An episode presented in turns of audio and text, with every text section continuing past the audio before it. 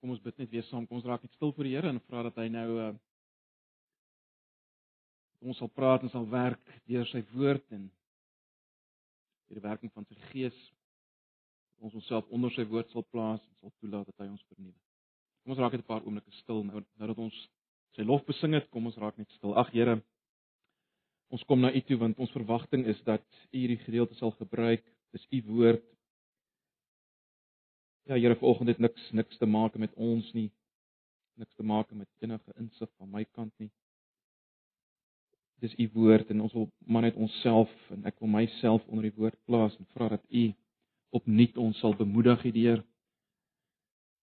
sal versterk, sal aanspreek as individue, as gemeente, asseblief. Ag Here, ons pleit U daarvoor. Ons wil ook vra in hierdie oggend dat U by elkeen sal wees wat vanoggend nie by ons kan wees nie, die wat nog ook vanoggend in hospitale is. Ons dink aan Hilda. Ons dink aan die Martie. Ons dankie dat dit soveel beter gaan met hulle. Ons wil vra dat ook hulle vanoggend juis eh, die boodskap wat ons vanoggend gaan bring, waaroor ons gaan praat, dat hulle dit ook sal beleef in hierdie oggend deur die werking van u Gees. Asseblief. Here, ons kom draai hierdie die res van hierdie oggend aan U op. Wil ook vra dat U U teken sal gebruik later vanoggend om ons te bemoedig en te versterk en op te roep tot totale oorgawe aan U. Asseblief. Ons vra dit in Jesus se naam. Amen. Nou ja, ons is steeds besig met Markus. Kom ons bly weer aan Markus. Uh, julle sal weet ons het nou verlede Sondag gekyk na die gelykenisse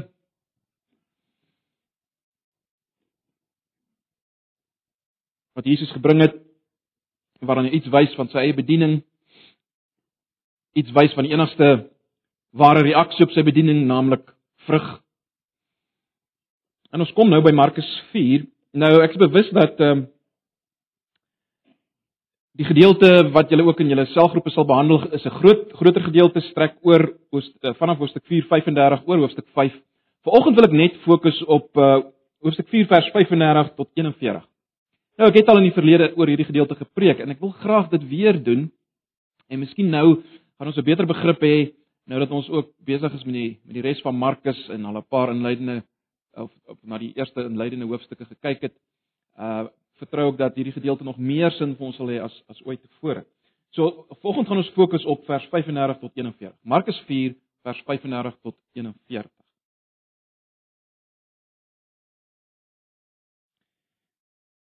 Ek lees die 83 vertaling. Ek gaan wel wys op 'n paar ehm um, veral een belangrike vertalingsverskil wat ek glo uh, belangrik is om uit te lig.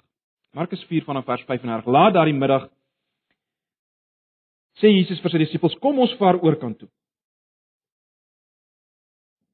Hulle toe die mense wat daar was, daar laat bly en hom saamgeneem in die skei waarin hy gesit het.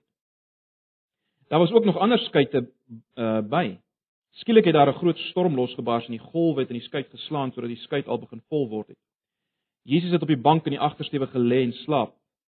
Hulle maak hom toe wakker en sê vir hom: "Meneer, gee jy dan nie om dat ons vergaan nie?"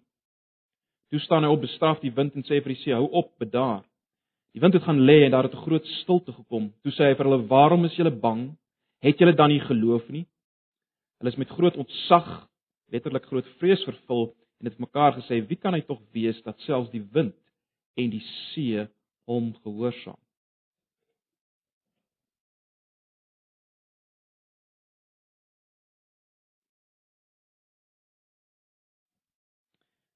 So ons lees net daai paar verse. Toe Jesus verskyn het meer as 2000 jaar gelede, het die heerskappy van God naby gekom.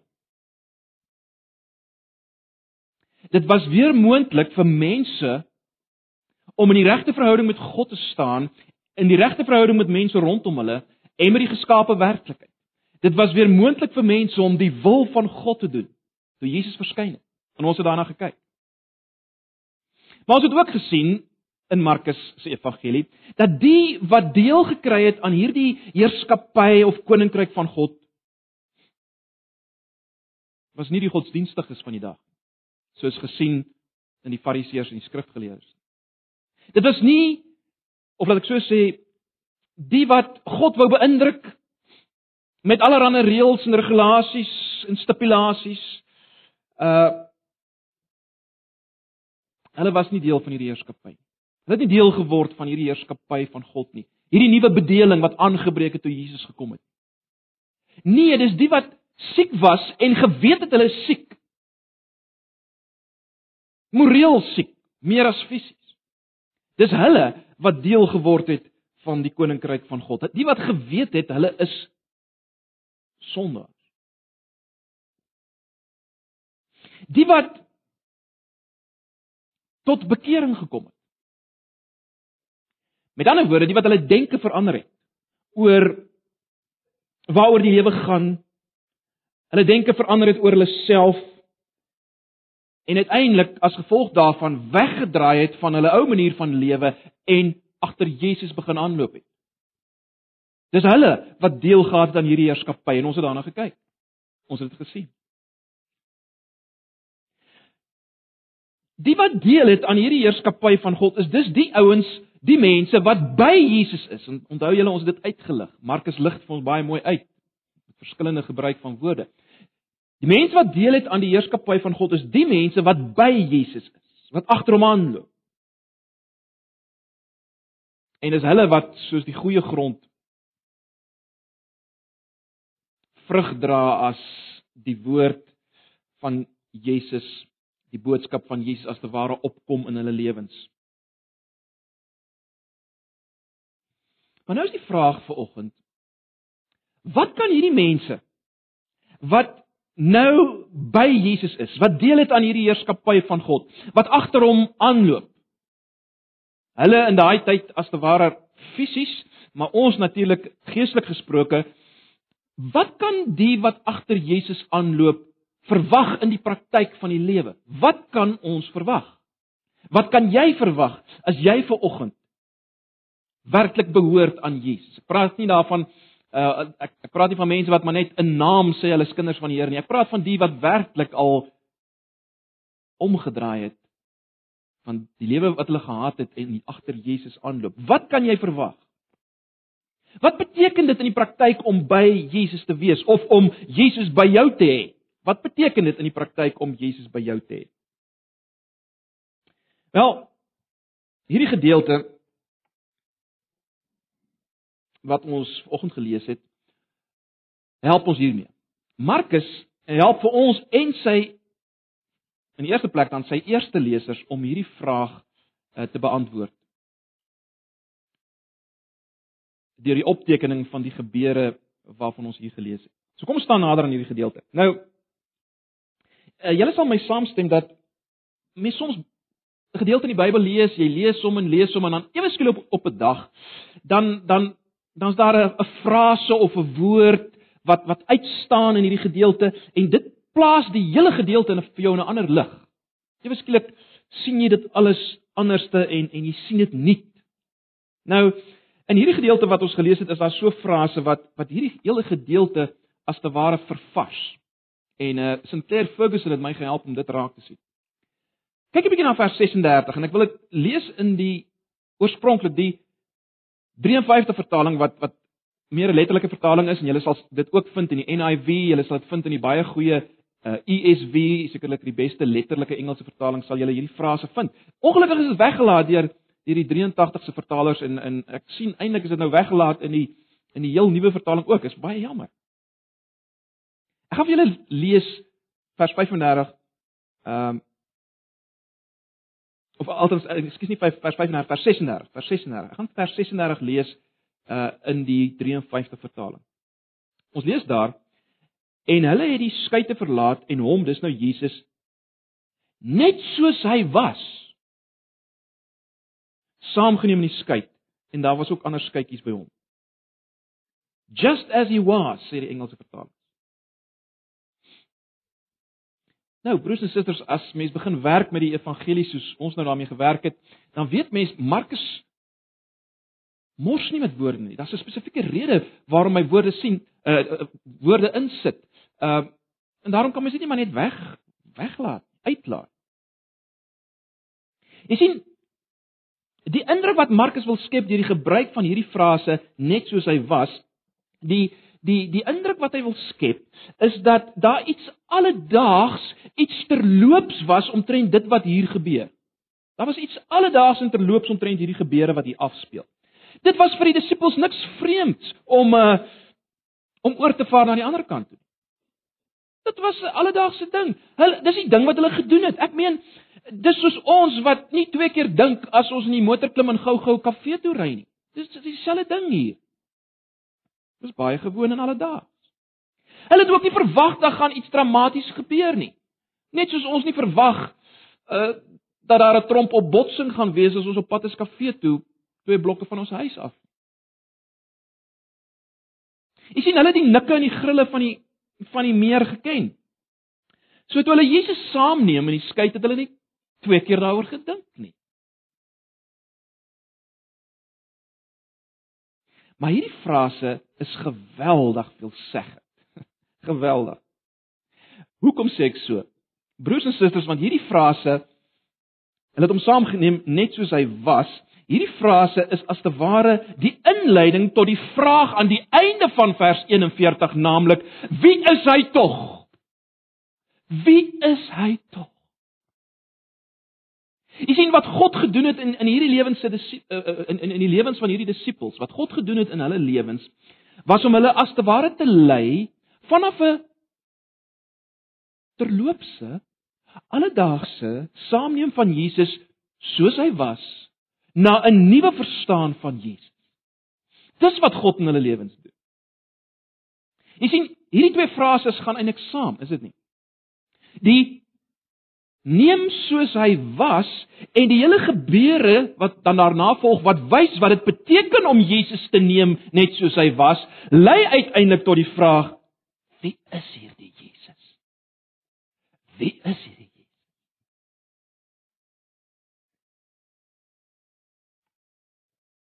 En dit bring my by die vraag wat ek aan die begin gevra het.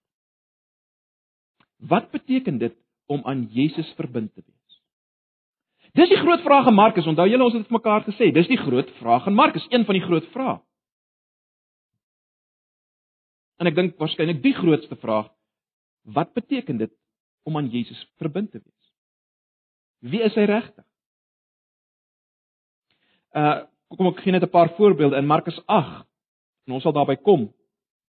Uh ons sal daarby kom in Markus 8 vra vra Jesus vir sy disippels: "Wie sê julle is ek?"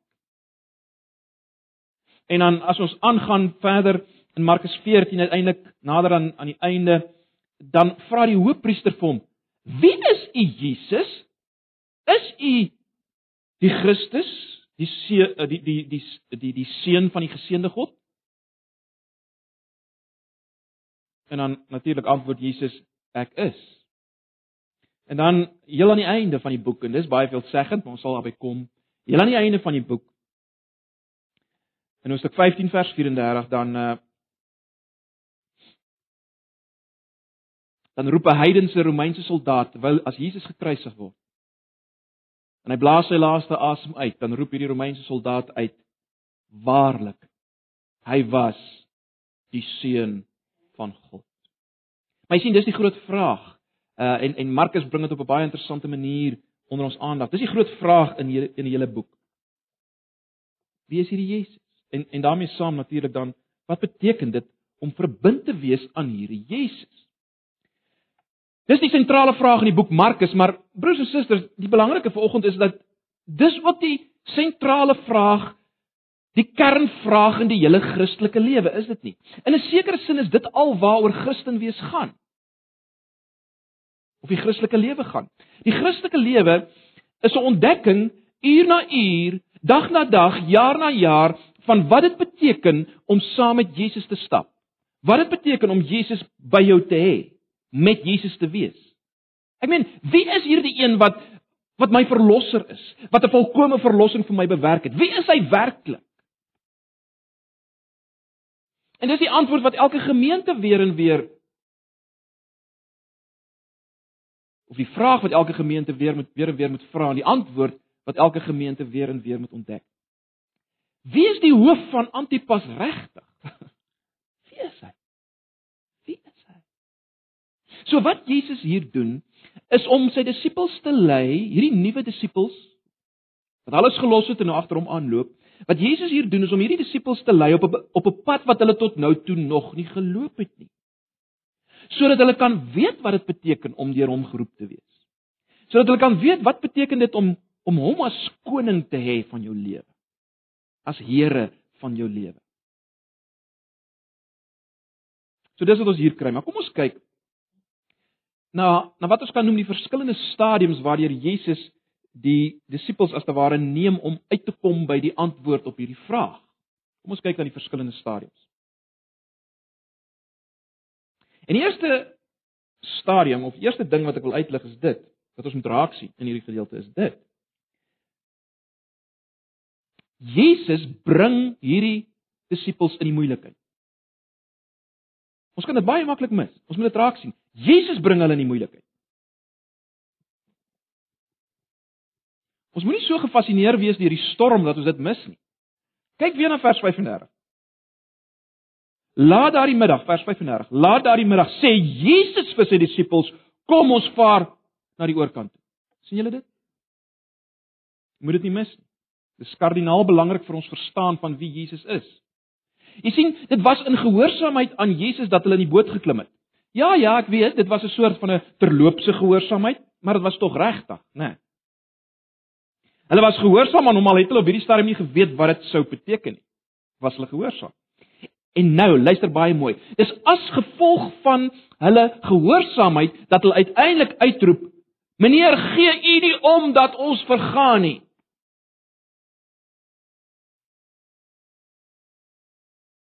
As gevolg van hulle gehoorsaamheid dat hulle uiteindelik uitroep: "Meneer, gee U nie om dat ons vergaan nie." Hierdie uitroep is baie betekenisvol, hoor. Hierdie uitroep van van die van die disippels. Eerstens was dit geweldig betekenisvol vir Markus se eerste lesers. Want sien Markus en ek dink ons het dit genoem heel aan die begin, Markus was besig om die die memoirs van Petrus neer te skryf. Met die oog op die, gemeente in Rome. Hy het dit vir die gemeente in Rome geskryf. Uh terloops daar's daar's min twyfel dat dat Petrus of althans wat Markus sy stof by Petrus gekry het wat 'n ooggetuie was. Uh, ek meen ons sien ons sien dit uit klein besonderhede. sien ons dit uh sien ons raak dat ons hier te doen het met 'n ooggetuie, né? Uh weer eens in die letterlike vertaling wat ongelukkig nie in die 83 voorkom nie, is die feit dat Jesus met sy kop op 'n kussing gelê het. Nou dit is net 'n ooggetuie wat dit sou raak sien. Uh dat die boot amper vol was, dat daar ook ander bote was en so meer. Alles dinge wat net 'n uh, ooggetuie kon sien. So so Daar's geen twyfel. Markus kry sy materiaal by Petrus en hy skryf dit vir die gemeente, sit dit op skrif vir Rome. Nou, baie belangrik. Die die ongelooflike wonderlike ding is dit. Soos Markus nou as te ware hierdie memoirs van Petrus neerskryf van wat dit beteken om Jesus te volg in moeilike tye, moeilike omstandighede. Terwyl hy dit doen, was die kerk in Rome in 'n tydperk van geweldige vervolging. Belangrik. Op daardie stadium terwyl Markus hierdie goed neerskryf, was die kerk in Rome besig om 'n tydperk in te beweeg van van geweldige vervolging. Hulle was, as ons dit so kan noem, uh, kan noem in 'n put van pyn en smarte en rou en die kreet van hulle hart was ongetwyfeld Here gee U nie om vir die situasie waarin ons is nie. Gee U nie om dat ons in die brand gesteek word in Rome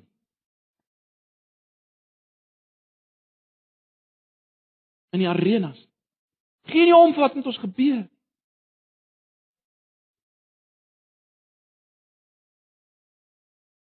Jy sien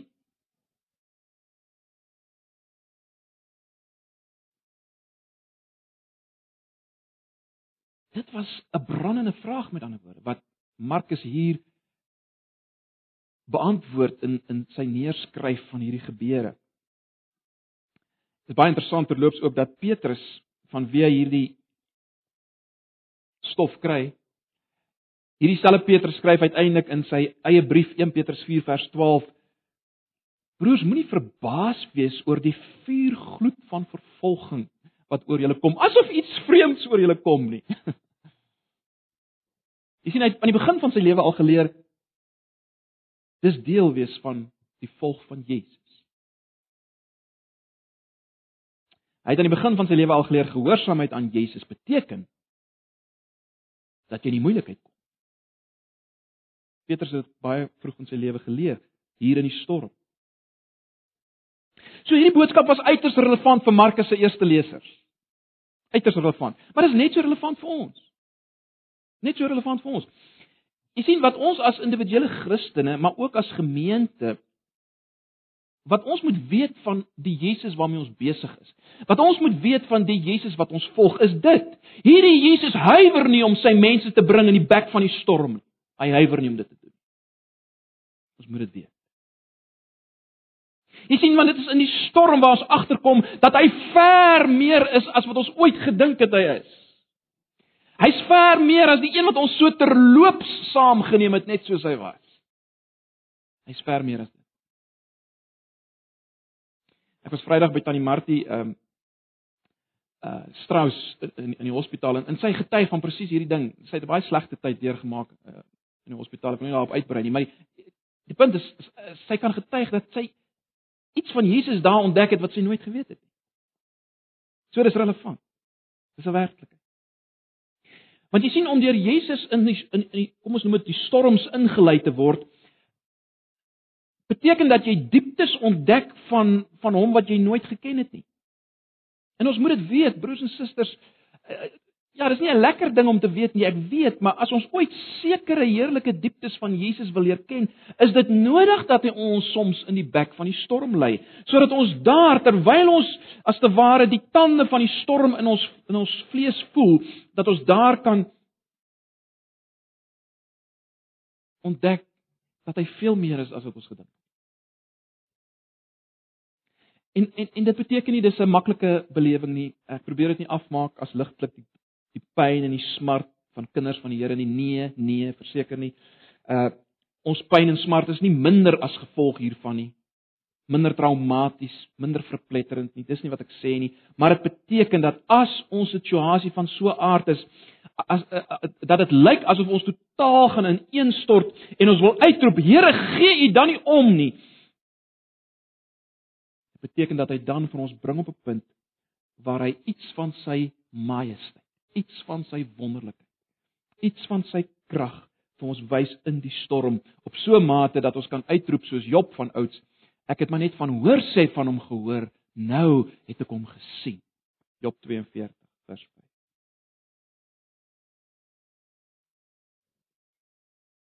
Die vraag wat ek en jy vir onsself vanoggend moet vra is natuurlik dit.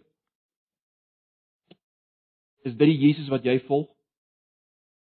Volg jy die Jesus wat groot genoeg is om dit te doen om jou in die storm in te lei? Of is jy besig met 'n mak voetspore in die sand, Jesus? Dit is Jesus wat jy volg. So die eerste stadium en die eerste les wat ons moet raak sien is dit: Jesus bring hulle in die moeilikheid. Jesus bring hulle in die moeilikheid. Dit bring ons by die tweede stadium of die tweede ding wat ons moet raak sien is Jesus Jesus bring hulle nie net in die moeilikheid nie. Hy hy bring hulle in die moeilikheid vir 'n baie spesifieke doel. Hy bring hulle in die moeilikheid vir 'n spesifieke doel. En die doel is dit. Hy toets die egtheid van hulle vertroue in hom of as jy wil hulle geloof in hom. Hy toets die egtheid van hulle vertroue. Kyk, daar's daar's min twyfel dat Jesus presies geweet het waarmee hy besig is hier. Onthou julle toe ons die Johannes Evangelie gedoen het, ek weet nie of julle terug kan onthou nie. By die by die vermeerdering van die brode in Johannes 6.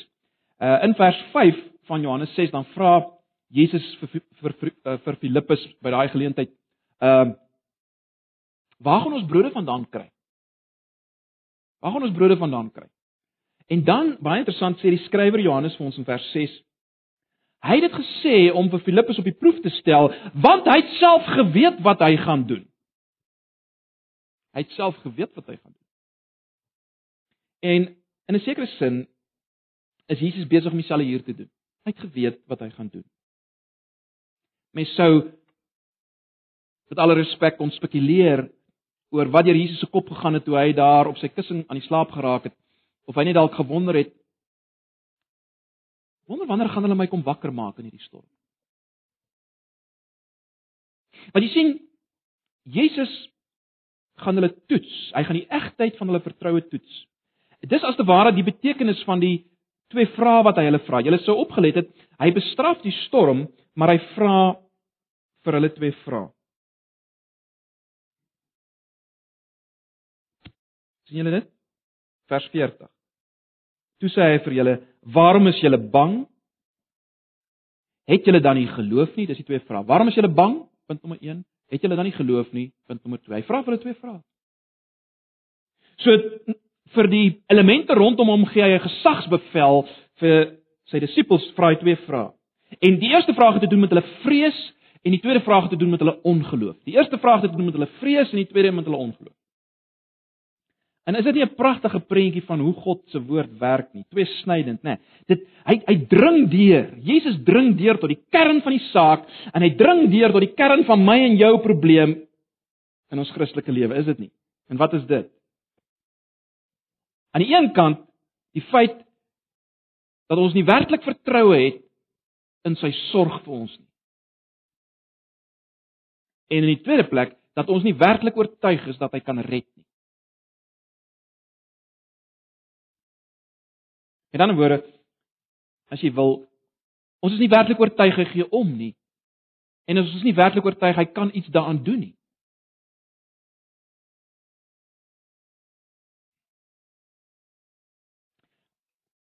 Om dit in kort saam te vat, Jesus lei hulle in hierdie situasie om vir hulle hulle eie geestelike toestand te wys. Ag en en, en julle sal my saamstem. Elkeen van ons wat hulle 'n ruk op die pad is, jy sal weet hoe akkuraat Jesus die groot mislukkings in jou Christelike lewe kan uitwys deur omstandighede, né? Ons dink dit gaan dit gaan geestelik so goed met my totdat hy iets van my wegneem. Totdat ek in 'n finansiële krisis gedompel word, dan kom ek eers skielik agter, wag, wag, wag. Of daar siekte of dood wat my raak.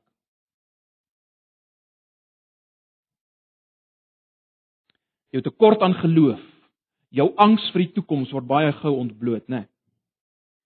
So ons ontdek, ons ontdek dikwels oor en oor hierdie twee dinge, né? Nee. Daai daai bang wees, daai vrees dat hy nie regtig omgee nie in die eerste plek. En dan ons ongeloof dat hy kan red, dat hy ons kan help in hierdie situasie. Daai twee dinge. Broers en susters, dink daaroor, kan enigiets meer wreed wees teenoor Jesus? Ek meen die disippels het geweet hy gee om. Hy was juis by hulle omdat hy omgegee het. Maar jy sien hulle het dit nog nie besef nie. Hulle het dit nog nie gesien nie. En dis nou nog ons groot probleem, né? Dis nou nog 'n reuse pastorale probleem by kinder onder kinders van die Here. Uh dis die Satan se taktik in 'n sekere sin om ons uh van ons sekerheid te beroof, né? Nee, hy sê vir jou, uh wel, kyk wat gebeur met jou. Uh God gee sekerlik nie regtig vir jou om nie. Is jy seker jy sê kind? Is jy seker jy sê kind? Dis wat hy vra.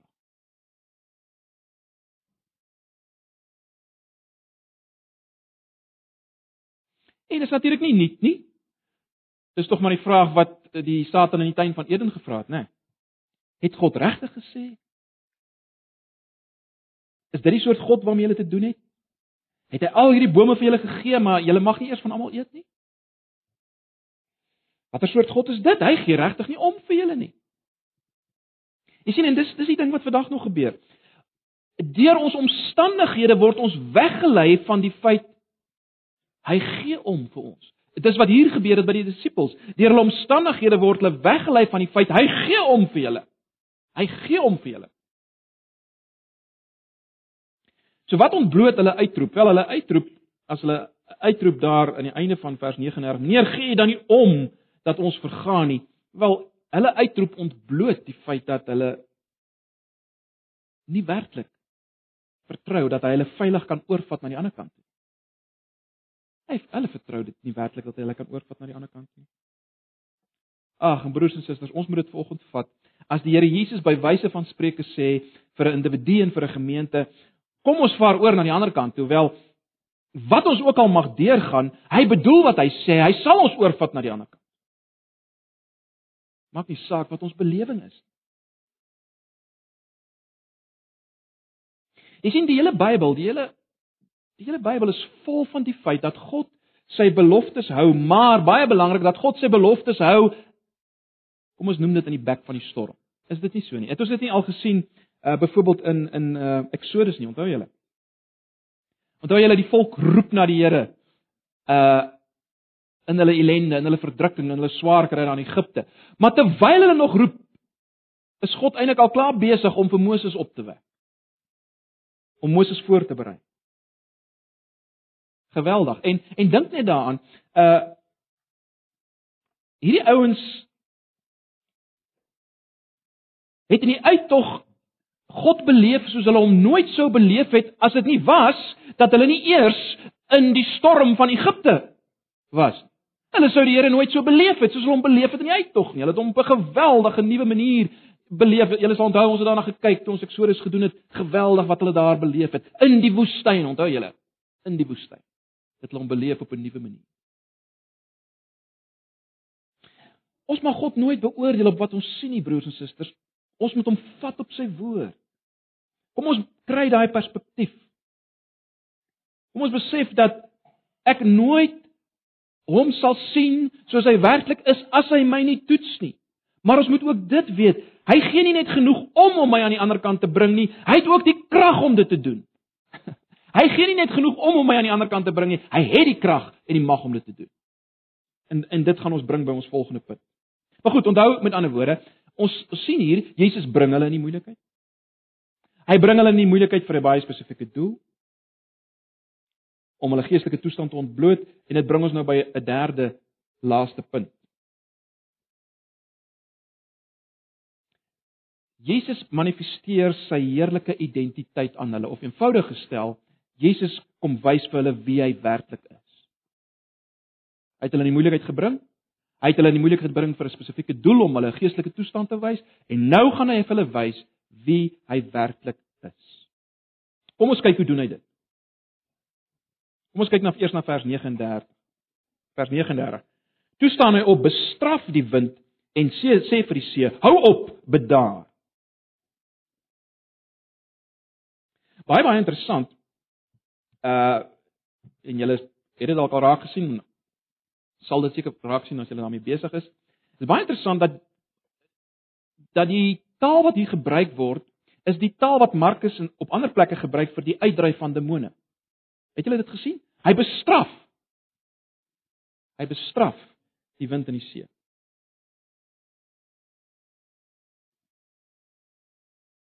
Dis wat hy gewoonlik met die demone gedoen het. Jy sien wat wat hier aangaan is baie meer as maar net die stilmaak van 'n stormpie wat opgekom het op die see. Uh, hier's baie meer, né? Nee, Markus wil hê ons moet sien dat dat dat hier gesag uitgeoefen word oor alles wat as te ware opstaan teen hierdie nuwe koninkryk. Net so terloops die die see uh en storms op die see is natuurlik uh in die denke in die Ou Testamentiese denke en ook nog in die Nuwe Testamentiese tyd is natuurlik gesien as as as as anti-goddelike magte, nê, nee, dinge wat wat die skepping weer terug wil vat na soos dit was. Uh, uh, die ouens was nie baie positief oor die see nie in kort. Terloops, ek het dit al genoem, daarom kry ons in Openbaring 21 vers 1 die snaakste uitspraak dat die see sal nie meer daar wees nie. Hoekom? Ek weet ons hou baie van die see, né? Dis vir ons vreemd. Ons kan dit nie verstaan nie. Openbaring 21 vers 1 sê daar sal op 'n nuwe 'n nuwe werklikheid nie meer 'n see wees nie. Hoekom? Want die see is gesien as boos. Gevaarlik. En is hierdie agtergrond wat ons ook moet onthou. Jy sien die punt is hier. Uh wat deur wat Jesus hier doen as hy die die wind en die see bestraf.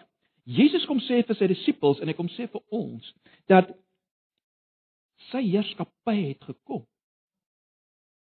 Sy koninkryk het gekom. Ons kry as te ware 'n voorsmaakie van van, van wat uiteindelik gaan gebeur ten volle.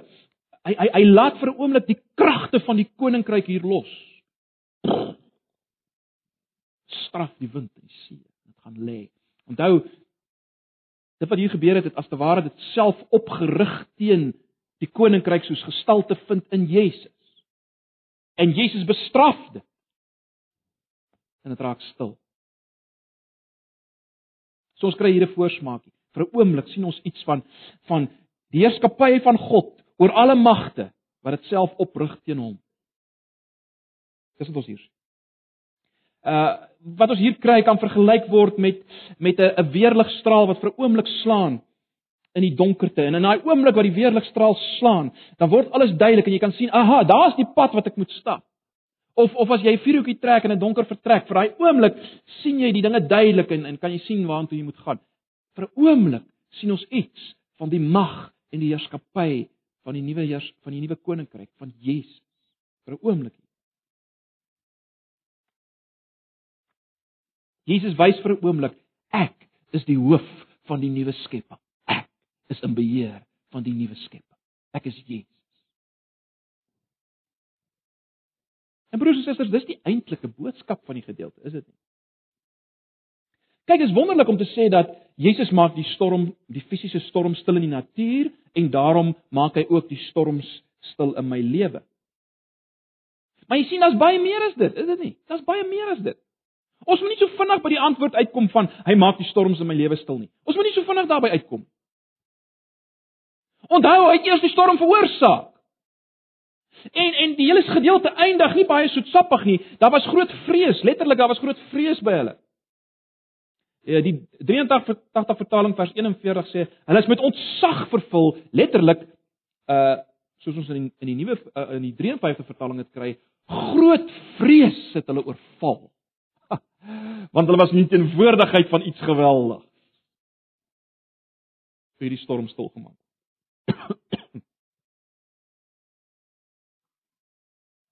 Groot vrees. Wie is hierdie Jesus? Wie is hierdie Jesus? Jy sien dit beteken nie hulle het glad nie geweet wie hy is nie. Hulle het natuurlik geweet wie hy is. Maar hier was 'n nuwe ontdekking van sy heerlikheid en sy mag, is dit nie? Jy sien, hy was meer as wat hulle ooit gedroom het hy is. Hy was meer as wat hulle ooit kon droom. Dis die punt. En nou kom ons by die stilmaak van die storms. Jy sien nou kom ons by die stilmaak. Baie belangrik, omdat hy so heerlik is.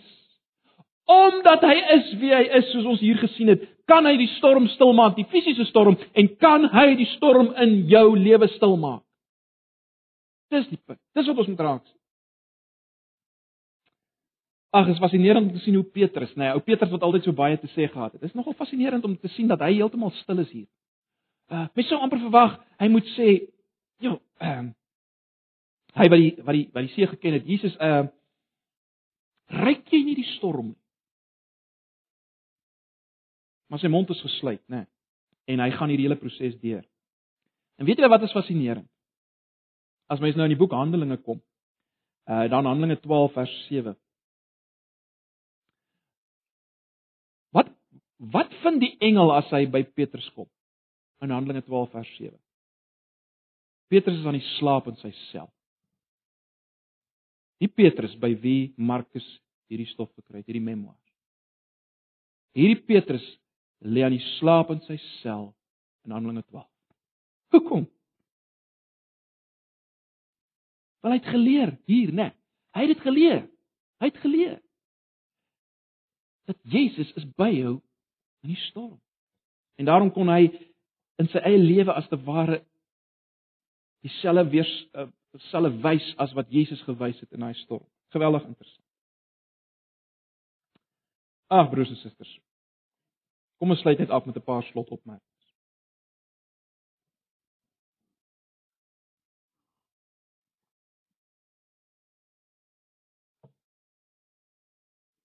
Ons nou gesien Jesus lei hulle in die storm.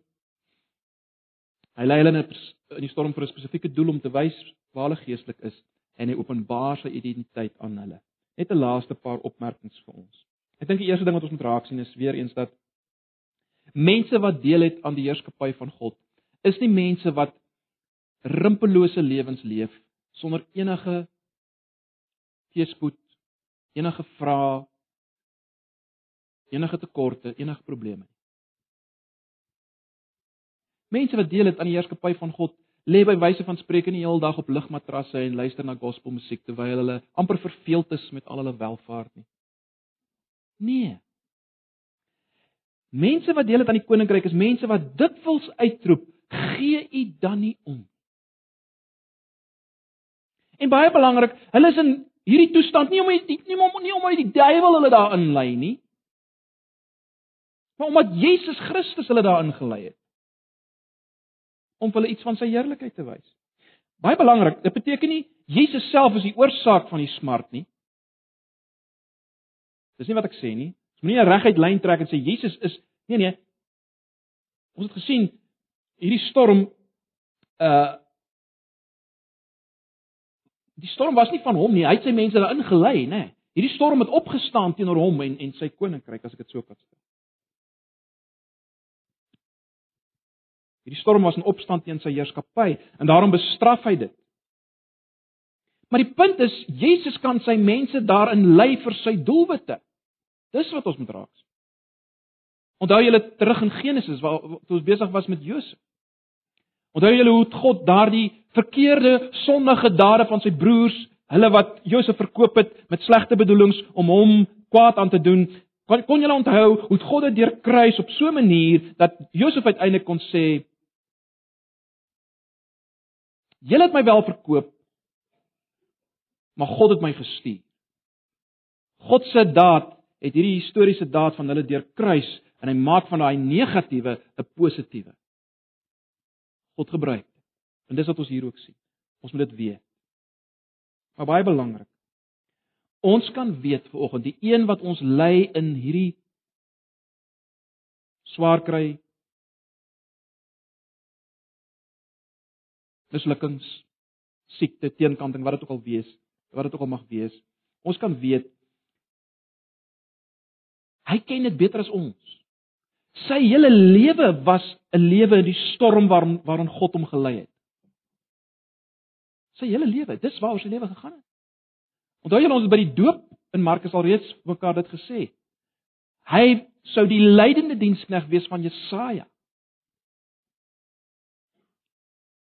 Ja, die gees van God was op hom gewees vir wat? Om hom te lei op hierdie pad van misverstand en verwerping selfs deur sy beste vriende, verloning, verraaiing en uiteindelik kruisiging. Dis die pad wat hy geloop het. Hy ken dit beter as ek en jy en ons kan dit weet. En dis gewellige vertroosting vir ons in ons swaar kry, nê, nee, in ons storms. Hoekom? Ons kan weet die God wat toelaat dat ons ly, hy het op 'n stadium in Jesus Christus self gelei. Hy weet wat dit is. Hy sit nie daar ver bo iewers onaangeraak onbelangstellend, onbesorg nie. En dit versterk 'n mens as jy swaar kry, is dit nie? Dit vertroos 'n mens as jy swaar kry. As jy deur moeilike tye. Enigiets meer as enigiets anders, hoor. So ek en jy moet leer om nie te vertrou op ons eie subjektiewe belewing van moeilike tye nie. Ag, en ons val so maklik in daai gat, né? Nee, maar moenie dit doen nie. Kyk, die disippels was oortuig hier dat Jesus nie omgee nie. Hulle was verkeerd. Hulle was verkeerd. So, vat dit volgens. Nog iets wat ons moet sien, weer eens moet sien, dink Jan het volgens daarna verwys. Ons sien weer eens en ek sê dit baie en ek sê dit maar weer. Ons sien weer eens dat Jesus is nie maar net 'n sagtebaard man wat met 'n wit kleed rondloop tussen lammetjies wat rondhop nie. Uh nee. Hy is die een met alle mag en gesag in die heelal. Hy is waarlik koning. En daarom as jy ver oggend hier sit as iemand wat nog nie die knie gebuig het voor Jesus nie, as as jy hier sit as iemand wat nog net aan karring in jou lewe en jy jy jy, jy leef net vir jouself en vir die wêreld en sy plesiere, jy het nog nie gebuig voor hom as koning nie, wel, jy's besig met hoogverraad. Jy's besig met hoogverraad. Jy's skuldig. En as Jesus eendag kom triomferend met trompetgeskal en der duisende magtige engele tot sy diens, dan sal jy weet jy verdien verdoeming. Want jy het nie gebuig voor Jesus. Jyself op jou troon. En jy sal niks te sê hê nie. Want dit sal vir almal duidelik wees, jy word regverdiglik verdoem. Vir hoogverraad teen die koning van die heelal. Dit sal totaal reg lyk en regverdig wees. Ag. Ek is jammer ek moet dit sê vanoggend. Maar ons moet. Maar ag, broers en susters, natuurlik is is dit nie die hoofpunt van vanoggend nie. Vir ons as Christene. Jy wat Jesus volg, al is dit in gebrokenheid en swakheid, maar jy wil vashou aan hom, wel, wees verseker vanoggend, hy het alle mag. Hy sal ook jou storm laat eindig. Ja, al is dit nie in hierdie lewe nie. Al is dit by wyse van spreuke om middernag met die uitroep daar kom die bruidegom, maar hy sal dit laat eindig. Hy het oorwin. Weet dit vanoggend. So. Broers en susters, wat ons in hierdie gedeelte leer is dit. Wat beteken dit om by Jesus te wees? Wat beteken dit? Dit beteken om heerliker en heerliker antwoorde te kry op die vraag: Wie is hierdie Jesus? Wie is hierdie Jesus? Hy is ons koning. Hy is ons leidsman. Hy is ons herder. Hy is die koning van alle konings en die Here van alle Here. Vat dit vir. Vat dit. Vat dit. Vat dit. Mag die Gees vir ons duidelik maak vanoggend. Ag. Kom ons vier nou die nagmaal. En as ons die nagmaal vier vanoggend, kom ons herinner onsself aan 'n ander geleentheid in die geskiedenis waar dit gelyk het asof God nie in beheer was. Die Jesus naak bebloed hang op Golgotha. Het dit nie gelyk asof God in beheer was nie? Het dit nie gelyk asof God omgee nie? Jesus self het uitgeroep: "My God, my God, waarom het U my verlaat?" Maar ag, ons weet. As daar een plek was waar God was, dan was dit daar op Golgotha. Hy was besig met 'n ongelooflike werk. Kom ons gebruik vanoggend die nagmaal tekens. En ons kan weet so seker soos ons soos ons hierdie brood eet en die wyn drink, so seker is hy by ons in ons swaar kry en ons storms So seker sal ons dit uiteindelik weer saam met hom gebruik. Hoekom? Want ons is sy liggaam. Die teken sê vir ons ons het deel aan sy liggaam. So seker soos jy daai wyn gaan proe en hy brood gaan eet, jy deel aan sy liggaam en daarom is hy by jou in jou swaar kry en daarom sal hy by jou wees totdat hy weer kom en jy finaal saam met hom sal aan tafel sit in die koninkryk van God se finale gestal. Kom ons vat dit volg. Kom ons dank hom daarvoor. Kom ons bid net so.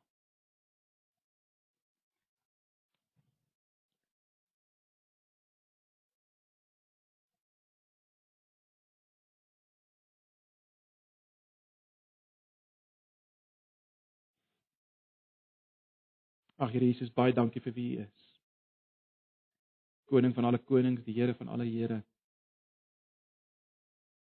Die een wat ons liefhet, die een wat sy lewe vir ons gegee het.